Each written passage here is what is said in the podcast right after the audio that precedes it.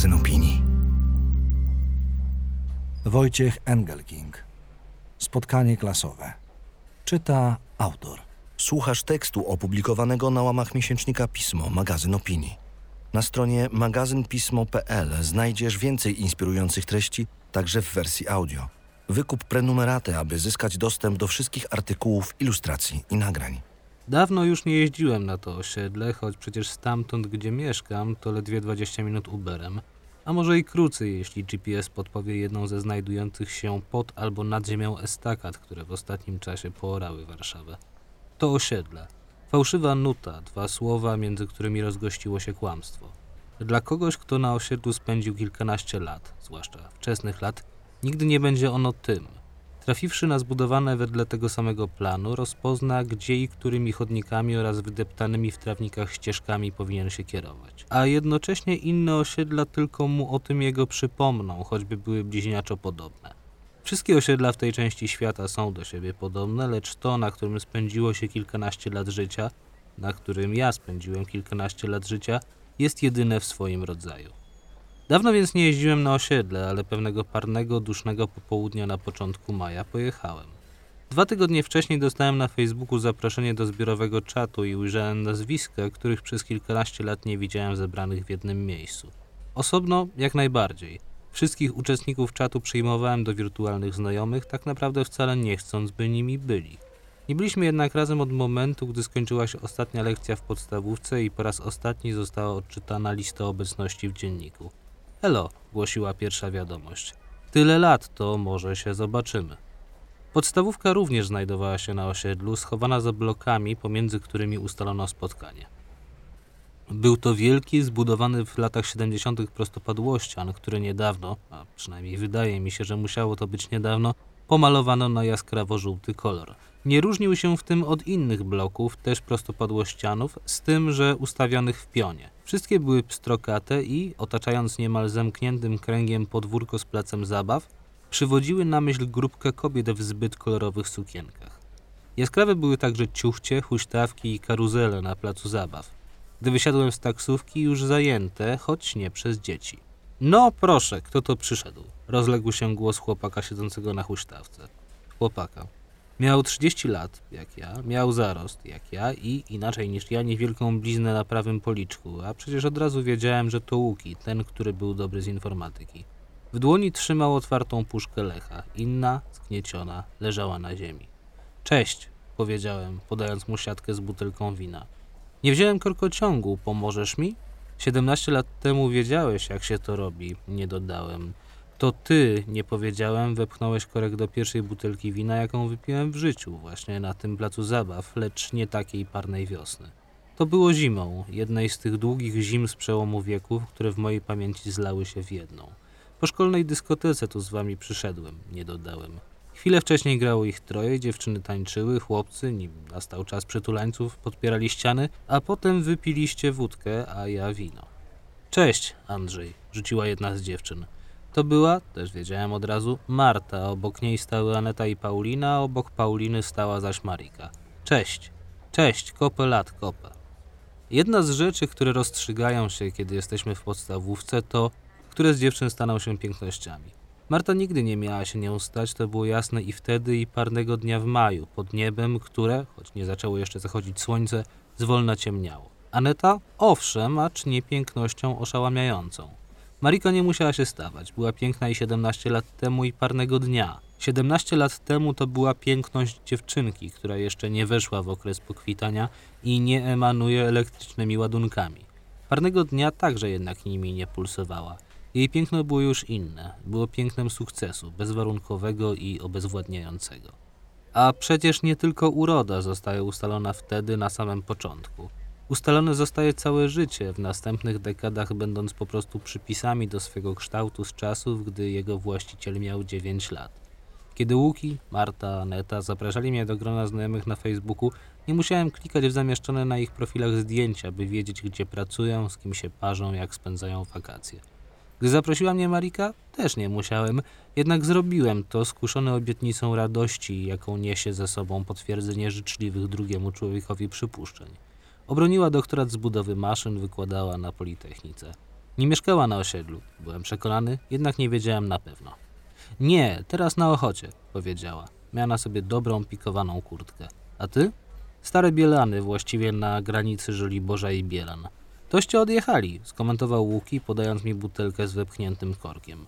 Wypiłem, wino było ciepłe i kwaśne, niedobre. Pasowało do jaskrawych bloków i placu zabaw z płytką piaskownicą, do rosnących nieopodal topoli, suchego słońca i ciemniejącego nieba. Ja wynajmuję tu, wskazał podbródkiem nieokreślony punkt. Ja też bliziutko, odezwał się Michał, zaraz obok kościoła. Zawsze chodziłeś do kościoła, zauważył Łuki. Byłeś ministrantem przecież.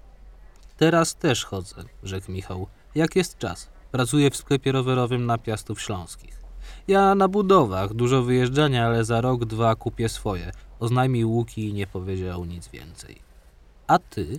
Co robisz, Andrzej? Spytała któraś z dziewczyn, by od razu dodać, wiadomo, co robisz. No, po tobie można było się spodziewać, zawyrokował Łuki. Zawsze miałeś dryg do polskiego. Robię to, co zawsze chciałem robić. Powiedziałem, wbiwszy wzrok w poznaczoną gdzieniegdzie kępkami trawy, a gdzieniegdzie skamieniałem gównem ziemię. A pamiętacie, zaczął ktoś, jak spierdoliliśmy z techniki całą klasą? Ależ się wkurwiła tam ta stara baba. Jakiej było?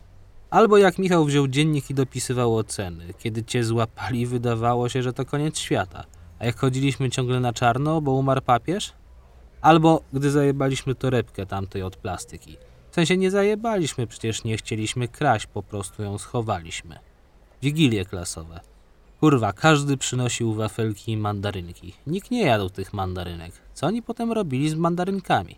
Pewnie wypierdalali, porzekł Michał. Wtedy zapytałem, a gdzie jest Karol? Nikt na placu zabaw zdawał się nie usłyszeć mojego pytania.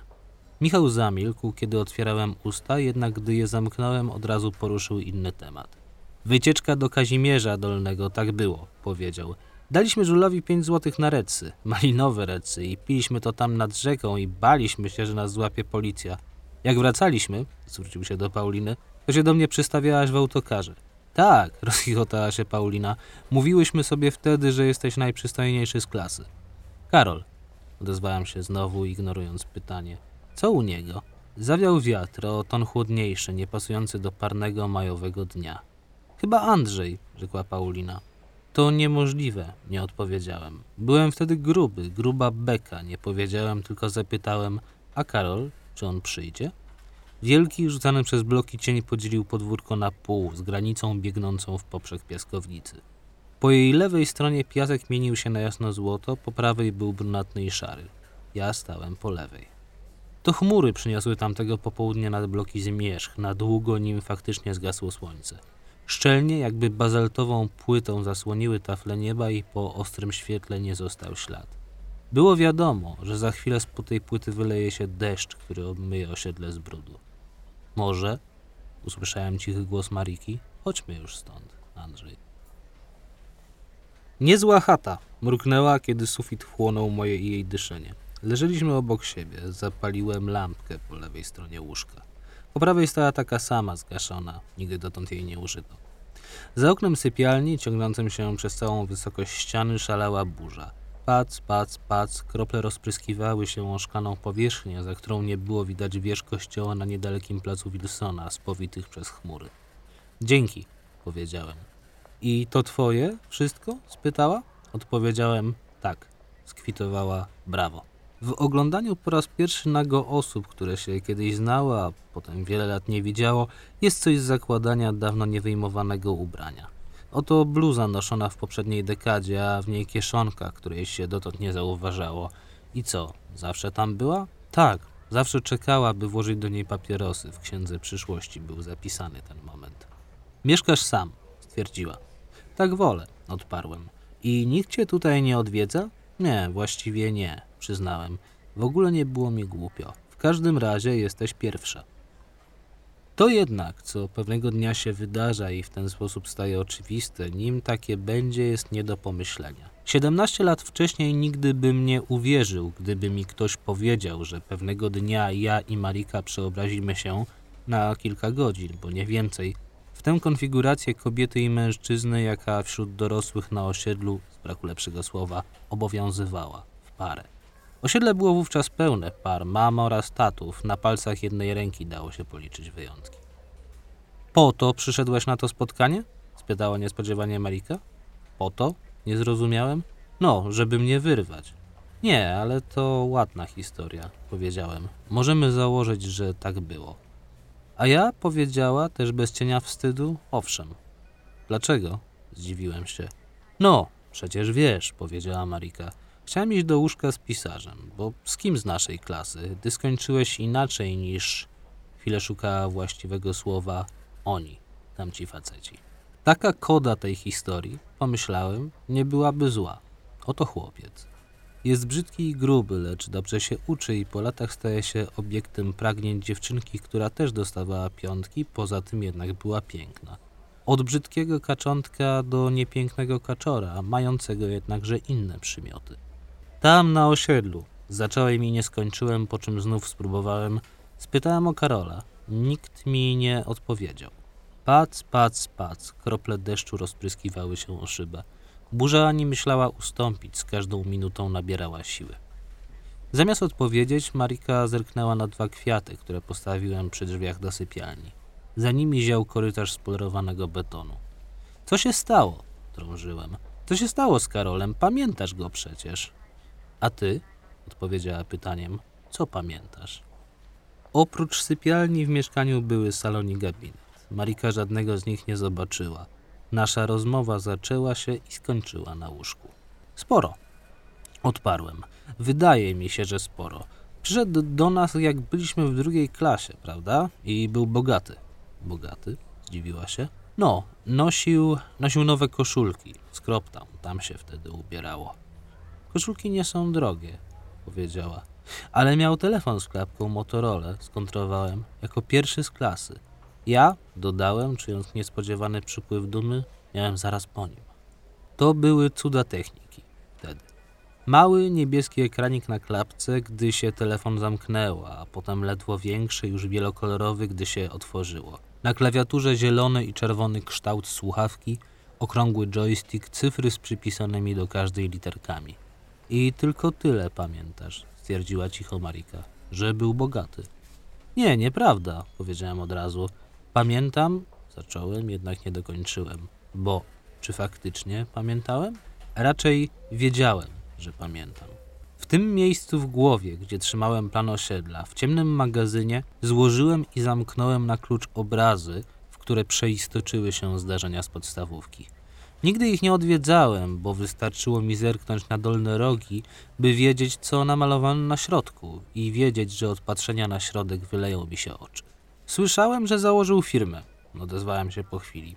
Nie dodałem, że gdy raz wstukałem nazwisko Karola w Google, musiało to być trzy lata wcześniej, poprowadziło mnie do Krajowego Rejestru Sądowego i odpowiedniego wpisu. Sprawdziłem adres, kierował na osiedle, i numer telefonu, by ten ostatni skrzętnie przepisać do kontaktów w komórce. W każdym razie jakiś biznes, dodałem. Prychnęła. No, już wcześniej chciał robić biznes w gimnazjum, rzekła. Gimnazjum? Nie zrozumiałem? osiedlowym. Ty od razu poszedłeś gdzie indziej, ja dopiero do liceum. W gimnazjum tam z nimi byłam. Z nim. I co? I rozprowadzał dragi. Pomyślałem, więc to tak. Jakie? spytałem. Głównie mefedron, odpowiedziała. Wtedy się na osiedlu brało mefedron? Zdziwiłem się. Brało się wszystko. Co innego można było robić? Przecież tam nic nie ma. Bloki, podwórko, dzieci, psy, młodsze dzieci, supermarket. Ale ty, powiedziałem, nie brałaś tego, co rozprowadzał. Nie, zgodziła się. Nie brałam. Pac, pac. Deszcz uderzał o okno sypialni, rozbite krople spływały, zostawiając na szkle płaskorzeźby, które za chwilę miały zmienić kształty. Milcząca Marika wpatrywała się w sufit i byłem przekonany, że nic więcej nie powie, lecz w pewnym momencie uniosła się, zakrywając kołdrą piersi. Dwie dziewczyny z nim spały, oznajmiła. Och, mruknąłem. Które? Marta i Aneta, w sensie jeśli chodzi o te z naszej klasy, bo z osiedla to było sporo innych. Dlatego, wydawało mi się, że rozumiem, nie chciały o nim mówić? Rzeczywiście, wydawało mi się. Wydawało mi się tak, jak tylko mogło mi się wydawać. Nie zbliżyłem się nawet do prawdy, stałem od niej daleko, a prawda była schowana we mnie, w miejscu, do którego wolałem nie chodzić. Marika prychnęła. Faceci też nie chcieli o nim mówić, stwierdziła. Jeśli zacząłem, ale Marika mi przerwała. Pamiętasz tylko to, że miał drogie koszulki? Moje myśli znalazły się przy wejściu do magazynu w głowie. Otworzyły drzwi, wyjęły obrazy z wielkich skrzyń, zapaliły nad nimi światło.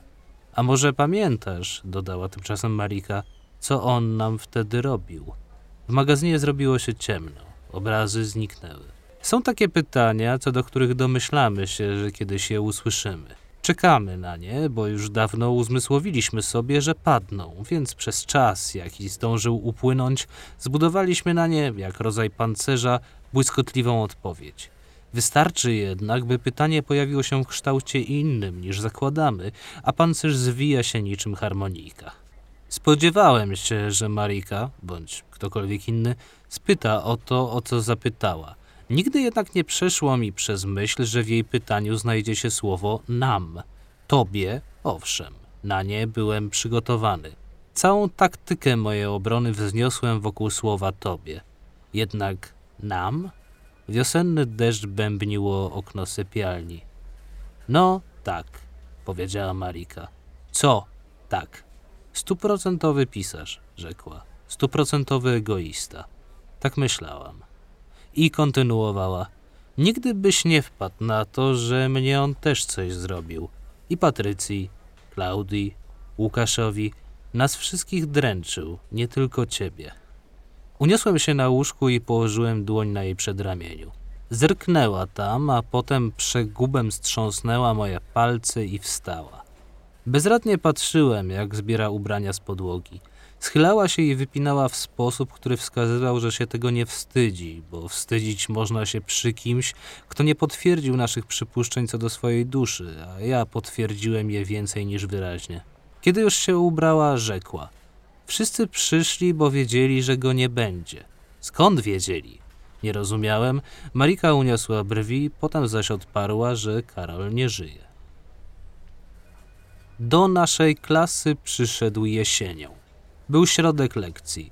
Przez okna sączyło się miodowe światło, jakie zawsze sączy się przez nie w październiku, gdy jesteśmy dziećmi. Szedł za wychowawczynią, za nimi podążała zaś kobieta o rudych włosach, która miała pewnie około 30 lat. Wydała mi się więc wówczas bardzo stara. Stanęli przed tablicą. Wychowawczyni powiedziała – to jest Karol, na co ruda kobieta westchnęła, a Karol wykrzywił twarz tak, że wydawało się, jakby żaden z jej elementów nie pasował do pozostałych. Usiądź. We wszystkich klasach, we wszystkich szkołach na świecie, gdy przychodzi do nich ktoś, kogo przez pewien czas nazywa się nowym, aura tego, że jest nowy, początkowo blokuje mu ruchy. Trochę się kuli, jakby marzł i nawet nie udaje, że nie wolałby być gdzie indziej. W naszej klasie tak nie było.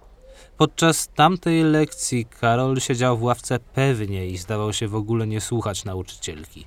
Zamiast tego rozglądał się po pomieszczeniu i zmieniał grymasy na twarzy. Nie raz, nie dwa, nie trzy, lecz bezustannie. Raz nawet pokazał język, ale w nietypowy sposób. Wystawił go za granicę warg, przygryzł i widać było, że gryzie bardzo mocno. Kogoś innego by to bolało. Jego nie bolało. Gdy matematyka się skończyła i wyszliśmy na przerwę, chłopaki go otoczyli. Łuki, Maciek, Tomek przedstawiali się po kolei, a Karol nic nie mówił, tylko zgrzytał zębami i mechanicznie, sztywno kiwał głową. Andrzej, oznajmiłem, kiedy przyszła moja kolej i wtedy się odezwał. Jędrek, powiedział.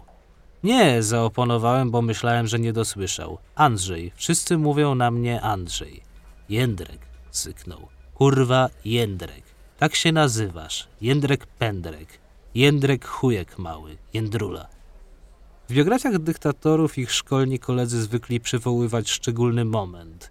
Wyizolowaną z dziejów chwilę, gdy stało się jasne, że przyszli tyrani już jako chłopcy potrafili brać swych bliźnich we władanie. Nigdy im nie wierzyłem, wiedząc, że nie da się wskazać takiego pojedynczego zdarzenia. To, co stało się w naszej klasie wraz z przyjściem Karola, nie stało się przecież, gdy odmówił mówienia do mnie Andrzej. Nie wtedy, kiedy, czy było to tego samego dnia, czy może tydzień później, Pod nieobecność nauczycielki narysował na tablicy olbrzymiego chuja, podpisując go jej nazwiskiem. Nie wtedy, kiedy rozsmarował własne gówno po szkolnej toalecie. Nie kiedy pobił się na boisku za szkołą, a chłopak, z którym się pobił, przez pewien czas chodził w okularach ze szkłem zalepionym gazą. Nie kiedy na WF-ie podstawił komuś nogę, a gdy ten ktoś się przewrócił, podbiegł i długo, bardzo długo kopał go w brzuch. Brązowe wymioty zlały się z barwą podłogi. Nie było to także wtedy, gdy zabrał Michałowi kanapkę, jedną z tych, które się wtedy nosiło do szkoły, kajzerkę z pasztetem. Wrzucił ją do kibla, tam się rozpadła. Spuścił, kibel się zapchał, Karol wyłowił rozmiękłą bułę oraz namaczony pasztet i kazał Michałowi zeżreć. Michał zeżarł. Nie gdy na pytania nauczycieli zaczął odpowiadać jajeczko lub sraka. Nie gdy zabrał Paulinie zeszyt, stanął na ławce, zaczął wyrywać z niego kartki, zgniatać je w kulki i wyrzucać za okno.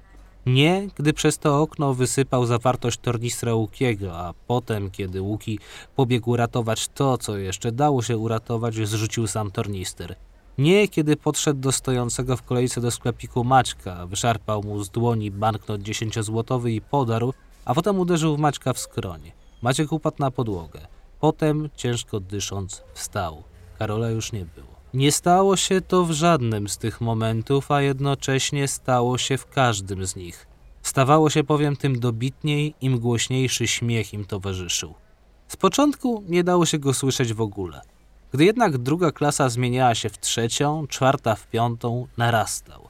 Nie dobiegał z gardła jednego chłopaka i jednej dziewczyny, nie był pojedynczym sopranem albo, od pewnego momentu, falsetem, lecz chórem, raz liczniejszym, raz mniej licznym, w szczytowych momentach składającym się jednak z tylu głosów, że nie pomieściłaby ich największa sala orkiestrowa. Od momentu, gdy Karol pojawił się w mojej klasie, do szkoły szło się po to, żeby oglądać czyjeś upokorzenie.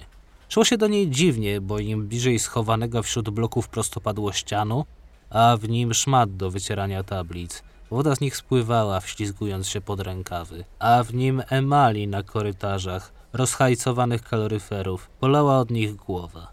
A w nim kibli, gdzie zimą było chłodno i nigdy nie spuszczano wody, nigdy też nie wieszano papieru toaletowego, tym głośniej o ściany czaszki obijało się jedno pytanie. Czy to ja stanę się dziś pośmiewiskiem? A może ja będę się śmiał, ja się będę śmiała? Przypomniałem sobie wszystkie te zdarzenia, gdy Marika wyszła z mieszkania na Bielanach i zdecydowałem się w końcu odwiedzić ciemny magazyn w mojej głowie, od wielu lat zamknięty na cztery spusty. Kiedy jednak krążyłem między wyjętymi ze skrzyni obrazami, dostrzegając na nich szczegóły, co do których nie wiedziałem, że je pamiętam, dokładnie wypolerowane belki drabinek na sali gimnastycznej, mięsiste i zakurzone liście rododendronów, nie mogłem opanować wrażenia, że mój strach był większy od tego, czego się obawiałem. To wszystko? Pytałem sam siebie. Wszystko? To, co robił Karol, było okrutne, owszem, jednak tylko dla dzieci. Dorośli co dnia robią gorsze rzeczy, ponieważ są dorośli. I jeszcze ta dziwaczna sensowność, jaką temu nadałem. Cóż za system wymyśliłem? Cóż za system sprawowania władzy, w którym nikt nie może być pewny, jak skończy się dla niego dzień w szkole, może jednak być pewny, że kiedyś nastąpi taki, gdy i on zostanie upokorzony. Moje upokorzenie nadeszło jesienią roku 2003. To znaczy prawdziwe upokorzenie. Poprzedzały je drobniejsze, jakby wstępy do tego właściwego. Zabrane pieniądze, książka, którą akurat czytałem, wrzucona do kosza na śmieci, podstawiona noga – Musiałem jednak poczekać kilka lat, wówczas całą wieczność, by zostać pognębionym naprawdę. Szatnie od WF-u znajdowały się w długim korytarzu łączącym prostopadłościan wybudowany w latach 70. z mniejszym i młodszym, w którym mieściła się sala gimnastyczna. Prowadziły do nich trzy pary drzwi, między którymi postawiono gabloty prezentujące pamiątki z zawodów sportowych. Tamtego dnia miałem 11 lat. Moje podbrzusze i klatka piersiowa były bezwłose. Mój penis był siusiakiem. Tak wyglądało to u wszystkich chłopców. A jednak w wakacje, które dzieliły tę jesień od poprzedniego roku szkolnego, coś się zmieniło i, jak inni chłopcy, do przebierania odwracałem się w stronę ściany, starając się możliwie szybko włożyć spodnie gimnastyczne.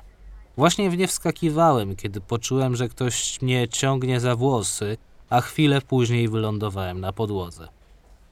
Karol stał nade mną. Patrzcie, kurwa, jaki to jest grubas, mówił przy okazji na mnie plując. Jaka to jest gruba beka, jakie ma cycki. Wielka beka, gruba dupa. Podpierając się na dłoniach, spróbowałem wstać. Gdy to zauważył, wziął zamach i kopnął mnie.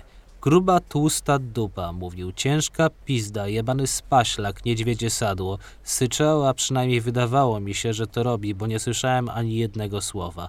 Uszy rozsadzał mi pisk, jakby ktoś w nich grzebał długą igłą. Kopnął mnie w jaja.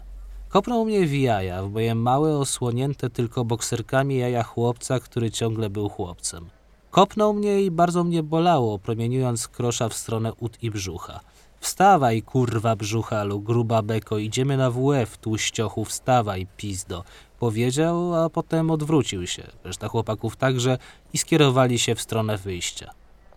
Jeszcze dwa lata, pomyślałem, połykając łzy, i wszystko się zmieni. Pójdę do gimnazjum. Dwa lata i wszystko się zmieni, obiecałem sobie. A jednak zmieniło się wcześniej. Deszcz przestał padać w nocy. Gdy się obudziłem, za oknem bielany parowały, smagane promieniami słońca. Otaczał mnie zapach mariki, czy raczej woń, której wcześniej w domu nie czułem, więc założyłem, że należy do mariki. Poranek spędziłem przykuty do Google'a. Gdy wpisałem imię i nazwisko Karola w połączeniu ze słowem nekrolog, przeglądarka nie wypluła żadnego wyniku. Gdy bez niego, ani jednej informacji, na którą bym dotąd nie trafił. Co więcej, zniknęła część odszukanych wcześniej, w tym adres firmy i numer telefonu, który przepisałem do swojej komórki. Kusiło mnie, by na Messengerze zadzwonić do Mariki, bądź kogokolwiek z uczestników spotkania, ale się powstrzymałem. Podejrzewałem, że połączenie zostałoby odrzucone. Poprzedniego dnia byłem dla nich ciekawostką otoczoną przez aurę zdziwienia, które musieli odczuć pierwszy raz widząc kiedyś znajomą twarz w nagłówku internetowego portalu. Aurę tę przebijały jednak nieufne spojrzenia. Opiszesz nas? pytały. Po to przyjechałeś? Po co właściwie przyjechałem? Poranek przeszedł w popołudnie, popołudnie w wieczór i niebo nad Warszawą nabrało szafirowego koloru. Zamówiłem Ubera, wpisując w pole wyszukiwania adres, który zniknął z Google'a, ale nie z mojej pamięci. Pierwszy raz odwiedziłem tamto mieszkanie na początku szóstej klasy. Dwa lata wcześniej przestałem chodzić na religię. Przez 45 minut, które inni spędzali w towarzystwie księdza, siedziałem w szkolnej bibliotece. Było tam cicho, pachniało kurzem i półkami ze sklejki. Kupione z unijnych dotacji komputery szemrały jak strumiki. Czułem się tam dobrze. Nie wiem, co takiego czytałem, gdy rozległo się Jędrek. Słowo to zostało wypowiedziane innym tonem niż zazwyczaj. Kiedy uniosłem wzrok z nad książki, zrozumiałem, że zmieniło się coś jeszcze. Twarz Karola, dotychczas zawsze zdająca się zlepioną z kilku innych, które do siebie nie pasowały, nabrała spójności, dziwnej, ale jednak spójności. Nie sprawiło to jednak, że nie odczułem momentalnie tego, co czułem zawsze, kiedy znajdował się w pobliżu. Strachu idącego od nóg, które zrobiły się jak galareta, przez skopane jaja i brzuch aż do głowy. Co, Jędrek, czytasz? powiedział. Książkę, odparłem. Kurwa, widzę. Nie chodzisz na religię, co? Ja też nie. To samo pierdolenie. Patrz jaki mam telefon, rzekł wyjmując Motorola z klapką. Zajebista komóreczka, ślipiej. I mówił dalej. Tak siedzisz, siedzisz i czytasz. Ja też nie chodzę na religię. Chodź ze mną. Z tobą? Zdziwiłem się. Ze mną, kurwa, widzisz tu jeszcze kogoś? Kurwa, idziesz? Powiedział, ale nie ruszył się, nim nie zerknąłem, czy pilnująca sali bibliotekarka odwróciła wzrok. Zrobiła to, podobnie jak woźny przy wejściu. Siedemnaście lat później szafirowy kolor zniknął z nieba, gdy Uber dojechał na osiedle. Było chłodno, po parności poprzedniego popołudnia nie został ślad. Auto zatrzymało się przed dziesięciopiętrowym blokiem. To mojej starej, mojej matki, mówił Karol, pokazując gablotę w salonie dwupokojowego mieszkania, do którego mnie zaprowadził. Znajdował się w niej barek. Trzy szklane półki, a na każdej butelki markowych alkoholi. To mojej matki, ale stary to kupuje, opowiadał. I do tego dwupokojowego mieszkania zapukałem 17 lat później, a drzwi się otworzyły. Dzień dobry, powiedziałem, ujrzawszy wysoką kobietę o rudych włosach. Przynajmniej założyłem, że wciąż muszą być rude, ponieważ w korytarzu panowała ciemność. Twarz kobiety złożona była z fałd i ze zmarszczek. Pani mnie nie zna, powiedziałem, ale ja się nazywam. Wiem, jak się nazywasz, przerwała mi. Jak się pan nazywa? poprawiła się. Niech pan wejdzie. Chcesz się napić? zapytał Karol. Pokręciłem głową. A przecież rok wcześniej, po szkolnej dyskotece, piłem swoje pierwsze wino, poczuwając się do tego, by je wypić. A coś ci pokażę, pokażę, powiedział. Jego pokój zarazem i nie różnił się i różnił od tych, jakie zamieszkiwali w owych czasach dwunastoletni chłopcy. Przy lewej ścianie stało łóżko, przy prawej szafa, pod oknem biurko. Na nim jednak spoczywały laptop, drukarka i skaner. To był rok 2004. Nikt w szkole nie miał laptopa. Tutaj to schowałem, powiedział Karol, wyjmując spod skanera płytę CD. Jej awers był czarny, różowiły się na nim kształty nadrukowanych pośladków i piersi. W salonie wciąż stała ta sama, lub bardzo do niej podobna, gablota i nadal służyła za barek. Choć za oknem było ciemno, matka Karola nie zapaliła światła. Dopiero po chwili, gdy usiadłem na głębokiej, niewygodnej kanapie, dostrzegłem pełny ciemnej cieczy kieliszek na stoliku obok fotela, który zajęła. Pewnie długo tu pana nie było, powiedziała. To prawda, długo, potwierdziłem i nie dodałem. A w szóstej klasie w tym mieszkaniu co tydzień oglądałem pornosy. Co tydzień od tamtego razu Karol mi je pokazywał. Nie powiedziałem, zamiast tego rzekłem, słyszałem, że pani syn nie żyje. Wzdrygnęła się, sięgnęła po kieliszek, a gdy wypiła, jej wargi złączyły się w idealnie prostą linię. Bardzo się ucieszyłam, powiedziała, kiedy pan i mój syn się zaprzyjaźniliście. To nie była żadna przyjaźń, warknąłem od razu. Nie powiedziałem, po prostu tu przychodziłem oglądać pornosy. Skaczące piersi, rozwarte dupy, uśmiechnięte cipy. Od tamtego pierwszego wyjścia robiliśmy to już regularnie. Nasz sekret. 45 minut w te i we w te, na film. Ale tacy chłopcy, mówiła dalej, jakby mnie nie usłyszała, zawsze się zaprzyjaźniają. Znajdują coś, co ich łączy i są już przyjaciółmi. W szkole nikt nie wiedział, co ja i Karol robimy. Zdarzyło mi się wtedy jedyny raz w życiu zatajać coś, co napawało mnie dumą. Nie mnie pierwszego w jego towarzystwie przepełniło to uczucie. Moja duma była jednak szczególnego rodzaju. Czułem, że łączy nas pakt, doniosły i sekretny.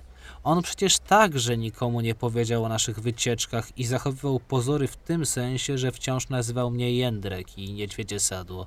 Nigdy już jednak mnie nie uderzył, a drugie z przezwisk nie bolało tak jak w szatni od WF-u. Karol musi to robić, tłumaczyłem sobie, bo inaczej wszyscy by się zorientowali. Podczas cotygodniowych wycieczek mogłem na własne oczy zweryfikować plotki, które krążyły o nim w szkole, szczególnie tę, że pochodzi z zamożnej rodziny. I pochodził, i nie pochodził. Na początku XXI wieku na osiedle dotarł dobrobyt. Obok bazaru wybudowały się nowe bloki nazywane na wyrost apartamentowcami. Czyj rodzice mieli pieniądze, ten się tam przeprowadzał.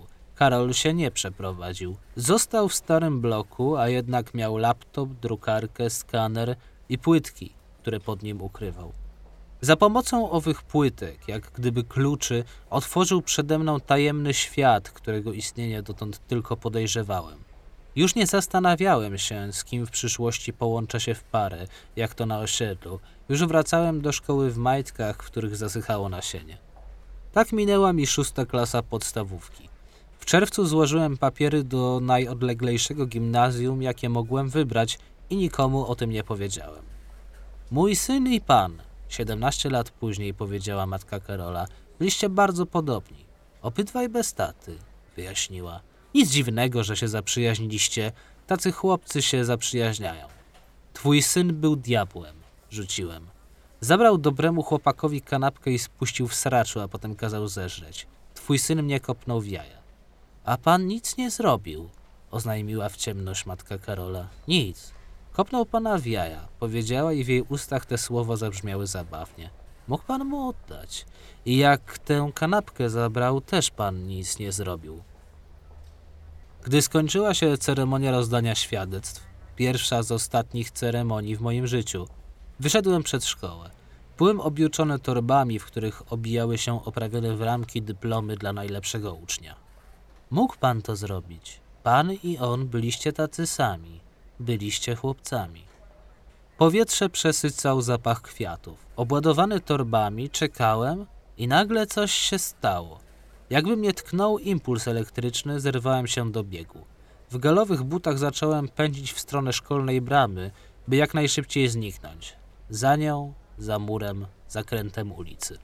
Gdy wstałem, rudowłosa kobieta na mnie nie spojrzała. Zdawała się nie dostrzegać różnicy między ciemnością, w której jestem, a tą, w której mnie brakuje. Być może nie zauważałaby jej także, gdybym siedział w świetle. Nim wyszedłem, otworzyłem drzwi drugiego pokoju. Nie zobaczyłem tam laptopa, skanera, ukrytych pod nim płyt. Nie zobaczyłem łóżka, szafy. Jedyne, co zostało, to widok na podwórko. Pokój został doszczętnie opróżniony.